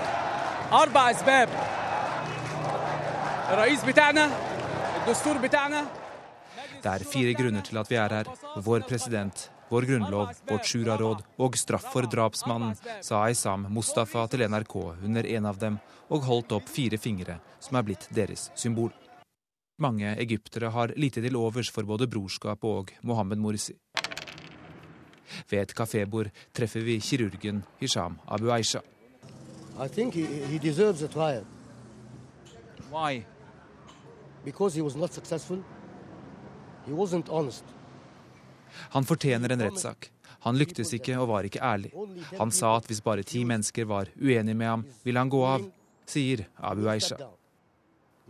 Han mener at folket gjennom de store demonstrasjonene mot Morsi ga han en mulighet til å skrive ut nyvalg, men at han ved å nekte å gjøre det ikke ga hæren noen annen mulighet enn å fjerne ham fra makten. Rettssaken er berammet til å begynne klokken ni norsk tid, og det blir første gang Mohammed Morsi viser seg offentlig siden hæren fjernet ham fra makten for nå fire måneder siden. Sigurd Falkenberg Mikkelsen, Kairo. Norge er en svært viktig samarbeidspartner for amerikansk etterretning, viser dokumenter fra den amerikanske avhopperen Edward Snowden. I et av dokumentene, som den britiske avisen The Guardian har fått tilgang til, går det frem at Norge og Danmark spiller en sentral rolle i National Security Agencies overvåking av data og teletrafikk. Til Eliteserien i fotball nå. Alt har endret seg i gullstriden. Det sier Rosenborg-trener Per Joar Hansen, som mener Strømsgodset har alt å tape nå. Drammenserne kunne feste grepet om gullet med seier i går, men klarte bare uavgjort mot Tromsø. Nå er alt åpent i gullstriden før siste serierunde. Nå, nå har de egentlig alt å tape foran uh, sin kamp, så, og vi har alt å vinne. Så uh, si, den inngangen til, til, de to kampene er jo, eh, er jo, helt annerledes nå enn den kunne ha vært. For Rosenborg-trener Per Joar Hansen er blitt hakket mer optimistisk før siste serierunde. Nå blir det enda mer spennende på søndag. Der har Ola Kamara helt rett, for med Strømsgodset på tabelltopp kun ett poeng foran trønderne, er alt åpent i gullstriden. Nå tror jeg det er 50-50. Er spådommen til en litt mer realistisk RBK-trener. For med ett poengs ledelse har Strømsgodset mulighet til å avgjøre alt sjøl når de møter Haugesund på søndag. Vi eh, har alt i våre hender. Vi eh, har hjemmebane med fullsatt Marienlyst. Og vi skal virkelig være klar til den kampen, til å virkelig skape en eh, fantastisk atmosfære og forhåpentligvis et veldig godt resultat i den kampen. Reporter Kristine Norvik Skeide.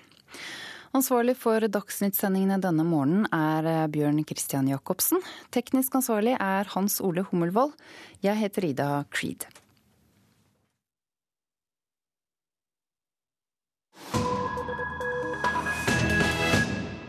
Klokka er 7.40 og Nyhetsmorgen fortsetter.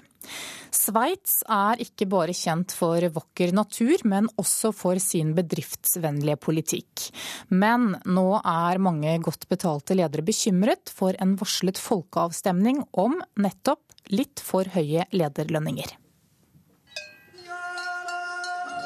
Klar luft, høye fjell og rent alpevann er ikke nok til å holde på de beste lederne i Sveits. De vil også ha klingende mynt å putte på sparebøssen. For tiden er det særlig to tall som opptar godt betalte sveitsere. Én og tolv. Dette er tallene som toppsjefene i noen av de største bedriftene i alpelandet frykter at skal drive de beste lederne på flukt. I en folkeavstemning 24.11 skal nemlig sveitserne ta stilling til et dramatisk forslag. Dersom det får gjennomslag, vil det sette en klar grense for hvor mye toppsjefene i landet kan tjene. Tiden er inne for at de som jobber på gulvet, la oss si hos en eh, klokkeprodusent, ikke skal sakke fullstendig akterut lønnsmessig. Tanken bak det såkalte 1-12-initiativet, som forslaget kalles, er at den som tjener best i en bedrift, ikke skal kunne tjene mer enn tolv ganger så mye som den som tjener minst. Det er ganz klar at vi har en avgang haben von Führungsstruktur aus der Schweiz. Det er helt klart at vi kommer til å se at ledere forlater Sveits, og det vil ha til følge at også svært mange andre stillinger forsvinner. Walter Kielholz er styreleder i forsikringsgiganten Swiss Re og styremedlem i storbanken Credit Suisse. Selv tjener han over 20 millioner kroner i jobben. Kielholz er ikke den eneste skeptikeren. For forslaget om å kappe i utbetalingene har ikke uventet ført til en het debatt i et land der skyhøye topplederlønninger gang på gang har skapt overskrifter. Den internasjonale finanskrisen, sammenholdt med økende sosiale forskjeller selv i det rike alpelandet, har nemlig fått mange sveitsere til å spørre seg om det er på tide å stake ut en ny kurs. Wir hatten in den letzten 30 Jahren eine regelrechte Explosion der Toppsaläre bei den Managern. Vi har de siste årene hatt en regelrett eksplosjon i topplederlønningene, sier David Roth til NRK. Han er leder i Juso Schweiz, ungdomspartiet til de sveitsiske sosialdemokratene. Diese perverse Abzockerei, der wollen wir jetzt Grenzen setzen. Denne perverse tappingen av penger vil vi nå ha en slutt på, sier Roth. Og mange synes å være enige med ham. Meningsmålingene viser at folk er delt på midten. Men Josa satser på å gi alt i innspurten. Og det får tydeligvis store bedrifter som legemiddelselskapet Novartis og matvaregiganten Nestle til å skjelve. Novartis har nemlig sendt ut brev til sine medarbeidere hvor de advarer mot forslaget. Multinasjonale konserner og arbeidsplasser trues, skriver toppsjef Pascal Brenneisen. Oppfordringen hans er derfor klar. Stem nei. Enkelte medarbeidere synes imidlertid brevet er en stor frekkhet. For lønnspolitikken nettopp i Novartis har nemlig gitt initiativtakerne drahjelp. Da det ble kjent at deres tidligere toppsjef Daniel Vasella skulle få en fallskjerm på 470 millioner kroner, skapte det nærmest et opprør i det ellers svært så sindige landet. Novartis scrapped plans to pay its outgoing chairman Daniel Vasella 72 million Swiss francs to stop him working Lønnstakforslaget er imidlertid ikke den eneste nyordningen sveitsisk næringsliv står overfor. I en annen folkeavstemning i mars gikk sveitserne inn for å begrense bedriftsledernes rett til å innvelge seg selv enorme fallskjermer og uforholdsmessige pensjons- og bonusordninger. David Roth mener det er en viktig kamp som føres. Hvis det finnes enkelte personer det bare dreier seg om penger for, er det bare bra om vi blir kvitt dem, sier han som svar på innvendingen om at rikingene kan komme til å rømme landet. For gjøres det ingenting for å få kontroll med lønnsspiralen blant de best betalte, frykter partilederen for samholdet i det ellers svært så idylliske alpelandet. Og reporter her, det var Hans Christian Hansson. Klokka er 7.44. Du lytter til Nyhetsmorgen, og dette er hovedsakene våre nå. Det er fortsatt ikke klart om det blir streik i flyselskapet Norwegian. Meklingen pågår fortsatt. Nær 1000 nordmenn i Hirden navngis i ny bok. De deltok i mishandling og drap på fanger under krigen. Så har vi akkurat fått melding om at en mann er stukket med kniv og drept i Bergen. Regjeringens mulige nye politikk for kvoteflyktninger er tema i Politisk kvarter i dag, programleder Bjørn Bø. Arbeiderpartiet er humanitært opprørt, mens regjeringa er taus. Og så har avgående leder i Senterungdommen råd til moderpartiet.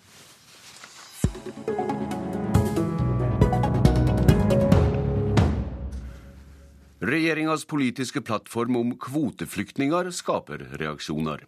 Der heter det at regjeringa vil prioritere kvoteflyktninger med størst sjanse for vellykka integrering. Nestleder i Arbeiderpartiet, Helga Pedersen, i en artikkel i Klassekampen i dag, skriver du at du er, du er djupt uroa over dette. Hvorfor det? Jeg vil jo først og fremst ha et svar fra regjeringa på hva dette betyr i eh, praksis. For hvis dette betyr at man skal leite rundt i flyktningleirene etter de menneskene som er mest ressurssterke og som er best mulig i stand til å bidra i Norge, f.eks. snakker engelsk eller har ingeniørutdanning, så er det et brudd med de verdiene Norge har lagt til grunn i flyktningepolitikken, der vi jo tradisjonelt har tatt imot dem som trenger hjelpa vår eh, aller mest. Og I dag har vi f.eks. et mål om at 60% av de kvoteflyktningene vi tar imot, skal være kvinner. Og andre grupper som er uh, høyt prioritert, er jo jo bl.a. funksjonshemmede. I Nyhenda tidligere i dag sa du at du er humanitært opprørt. Tar du kraftig i da? Nei, jeg mener eh, ikke det. Eh, fordi at de flyktningene som sitter i flyktningleirer uh, andre steder i verden, det er mennesker i en ekstremt krevende situasjon. Norge er et ressurssterkt land. Vi kan ikke hjelpe alle, men vi kan ta vår del av ansvaret. Og da mener jeg at eh, vårt oppdrag overfor de menneskene som skal komme til Norge som kvoteflyktninger, det er å ta imot dem som trenger det aller mest, ikke dem vi Norge trenger mest. Nå er det i alle fall mekanismer for utvelging av kvoteflyktninger, og vellykka integrering her er gjerne et høyverdig mål også for deg? Vi har jo mekanismer i dag, og det er jo nettopp for å eh, for å ta imot dem som trenger det aller mest. Og det mener jeg skal være vårt spor uh, også uh, videre. Og så var det integreringa. Ja, det er jo sånn i dag at uh, hvis du f.eks. har uh, enkeltpersoner, enkeltslektninger som sitter i flyktningleirer, uh, og som kan integreres bedre i Norge enn i andre land, så har man jo i dag rom for å prioritere også det. Arbeiderpartiet har også drivet tilstramming i framandpolitikken på et vis som gjorde at SV i regjering tok dissens, så det har vel vært litt spesielle det også? Vi har stramma inn på asyl- og innvandringspolitikken. og Det har jo først og fremst handla om at vi skal begrense tilstrømminga av mennesker som ikke har krav på beskyttelse i uh, Norge.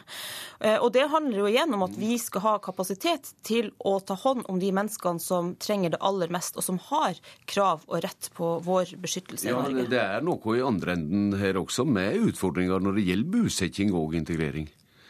Ja, det, I dag sitter det jo 4500 mennesker på asylmottak i landet som har fått oppholdstillatelse i Norge, men som enda ikke har fått en kommune å bo i. Og Det må jo være en høyt prioritert oppgave i tida fremover å få dem ut i norske kommuner. Og Blant annet derfor la jo den rød-grønne regjeringa opp til å mm Eh, fordoble tilskuddet til utleieboliger til flyktninger, sånn at det skal bli lettere for kommunene å ta dem imot. Ja, men det må gjøres, og da har vel dette kanskje noe med utvelginga å gjøre også, hvor lett det er å integrere folk? Ja, men Her må man skille mellom dem som kommer til Norge som asylsøkere. Der har vi vært veldig opptatt av at vi skal gi beskyttelse til dem som har krav på det. Dem som ikke har krav på beskyttelse, dem skal ikke lokkes til å komme til Norge. Dem som får avslag på opphold, dem skal returneres tilbake så fort som mulig. Men det at vi har en streng, konsekvent innvandringspolitikk, det skal jo også gi oss mulighet til å ta vare på kvoteflyktningene som sitter i flyktningleirer. Eh, noen av de menneskene i verden som har det aller eh, verst, og, som bør ha et en berettiget forventning om at verdens rikeste land, herunder Norge, tar sin del av ansvaret. I artikkelen din i Klassekampen så omtaler du situasjonen i Syria. Sverige gir nå varig opphold til asylsøkere fra Syria. I hva grad er det en idé for Norge også, etter ditt syn? Jeg mener jo at asylsøkere, uansett hvor de kommer fra, skal eh, behandles eh, individuelt. Så har vi jo, Når det gjelder Syria, så eh, var jo noe av det, det, det siste den rød-grønne regjeringa gjorde, var å ta imot 1000 ekstra kvoteflyktninger fra Syria. Og jeg håper jo at den nye regjeringa vil følge opp det, sånn at vi tar imot dem i Norge. Men Sverige, Sveriges linje kommenterte du ikke nå? Jeg mener at Når det gjelder folk som kommer til Norge for å søke asyl, uansett hvor de kommer ifra, så skal de ha en individuell behandling av sin søknad. Regjeringa vil ikke komme hit i dag for å forklare hva som er meint med kvoteflyktningpolitikken slik den framstår i den politiske plattforma. En syner til at en må gå runder med Venstre og Kristelig Folkeparti om hva som er meint her. I Kristelig Folkeparti vil en ikke snakke om dette før en ser hva regjeringa kommer heter det. Og fra Venstre var det praktisk umulig å delta her i dag, er meldinga derifra. Så da må jeg prøve å finne ut hva som egentlig gjelder om utvelging av kvoteflyktninger. Og du er her, Rolfe Vestvik, samfunns- og informasjonssjef i Flyktninghjelpa. Hvordan foregår den praktiske utvelginga av hvem som kan komme til Norge som kvoteflyktning? Det er ganske enkelt. Det er for det første FNs høykommissær for flyktninger, som jo ofte drifter disse leirene som eh, flyktninger sitter i, som eh, velger ut personer som de mener bør repatrieres eller flyttes til et tredje, tredje, land. Og så sender da norske myndigheter, som regel UDI, eh, en delegasjon, en slags komité, ned til disse flyktningleirene, gjør intervju eh, og plukker ut de kvoteflyktningene som skal få komme til, til Norge. Og det er ca. 1200 kvoteflyktninger som skal til Norge hvert, hvert år. Pluss disse ekstra tusen fra Syria da, som den forrige regjeringa har gjort framlegg om. Ja, men det, der har man jo ikke bestemt seg ennå. Men vi håper jo at det blir 1000, 1000 nye fra Syria. Hva slags kriterium mener det rent faglig det er grunn til å legge vekt på? Ja, For uh, både Flyktninghjelpen og andre organisasjoner som, uh, som, som, jobber med flyktninger, så har det jo vært viktigst at man legger såkalt sårbarhetskriterium uh, til grunn. Altså man må se på hvilke mennesker er det som er i størst nød. Det er jo ofte en veldig vanskelig øvelse å, å, gjøre, men, men man, kan, man, kan, gjøre det. Og så ta ut fra disse leirene de menneskene som har størst behov for beskyttelse. Helga Pedersen nevnte et eksempel her om at Norge de siste årene har prioritert kvinner. Uh, det kan være et sånn type sårbarhetskriterium som bør legges til grunn. Hvor stor er fridommen hjå de enskilde mottakerlandene til selv å lage egne regler for hvem de vil ha? Dette bestemmer nasjonale myndigheter fullt og helt selv. Sånn at Norge har uh, rett til å å selv bestemme nøyaktig hvem som skal få lov til å komme til Norge, og hvilke kriterier som skal ligge til grunn for den, hvem, man, hvem, man, plukker ut. Så dette har Norge rett til å bestemme selv. Så det er ingen motsetninger mellom FNs høykommissær for flyktninger og de enskilde mottakerlandene på det punktet?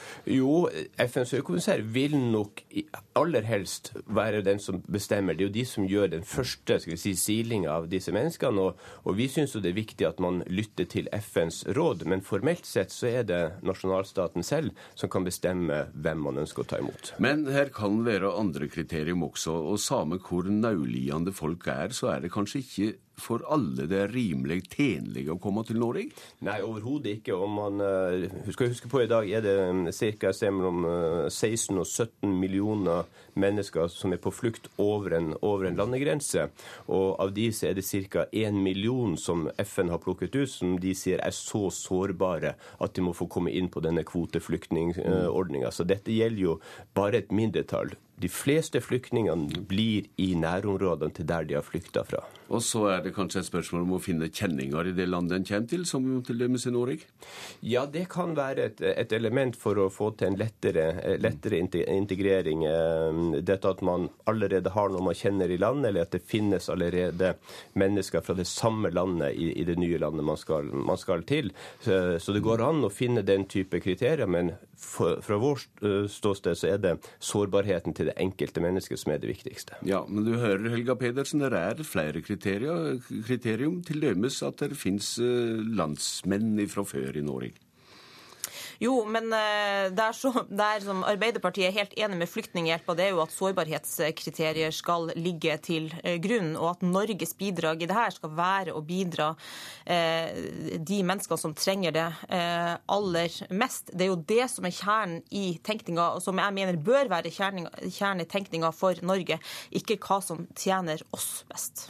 I fravær av regjeringa her, så får vi bare vente på den teologiske tolkinga av skrifta fra Sundvolden. Og takk til dykk, Rolf Vestvik og Helga Pedersen.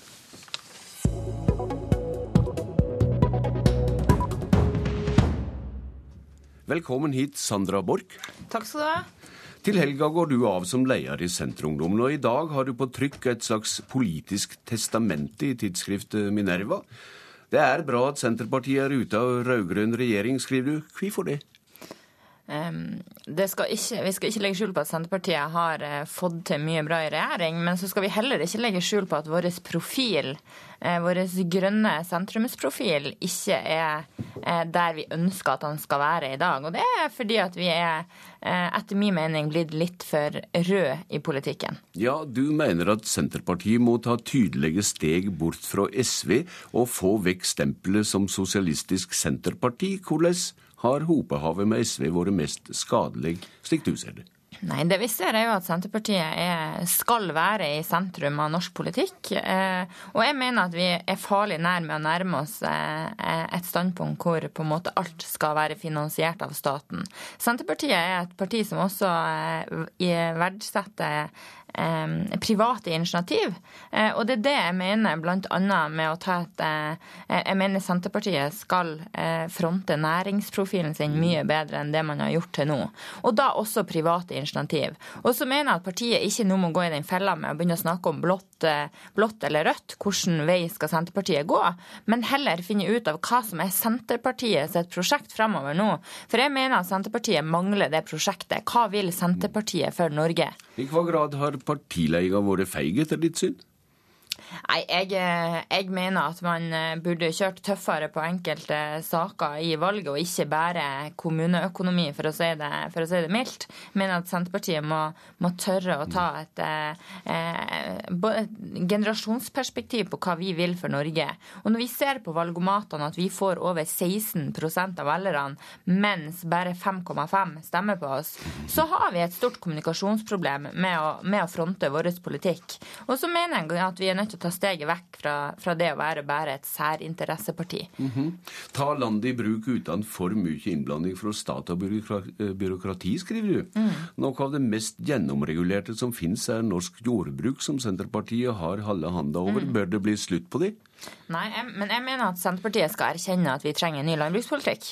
Eh, og sånn sett så er det jo bra at Listhaug er kommet, kommet til ror og vi har fått en, en bra mm. debatt. Eh, og så skal jo ikke jeg si noe om politikken, det vil jo gjenstå å vise seg. Men jeg mener også at Senterpartiet eh, er nødt til å skape en ny landbrukspolitikk. For det trenger det her landet. Eh, og vi trenger en mer forenkla eh, landbrukspolitikk enn det som, det som, er dagens politikk. Hm, så det.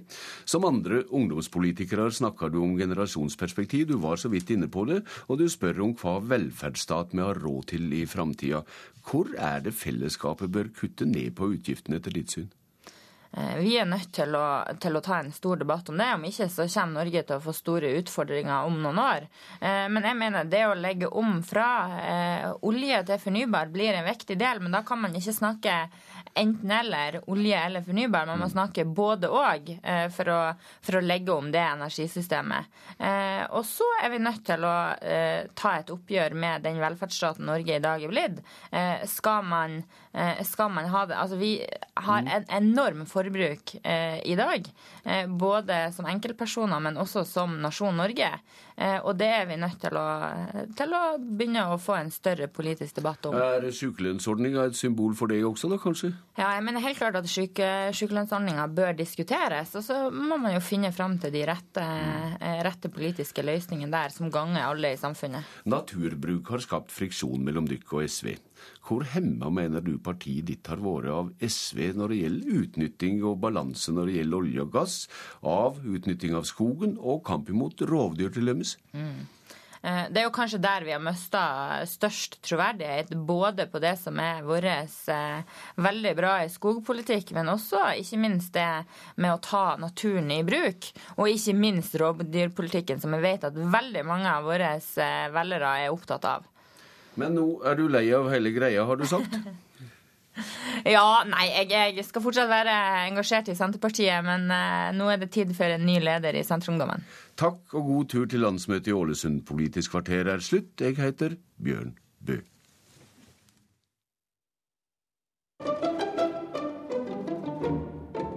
Vær så god, her kommer jeg med dagens avis. Arbeiderbladet fra 12. februar 1963. Dette er ikke dagens avis. Ja, unnskyld meg, er det i dag? Nå? Ja. Ja, er det en avis? Ja, ja. Ja, da er jo det dagens avis. Ikke vær så innmari firkanta. Dagens avis, i dag klokken 11 på NRK P2.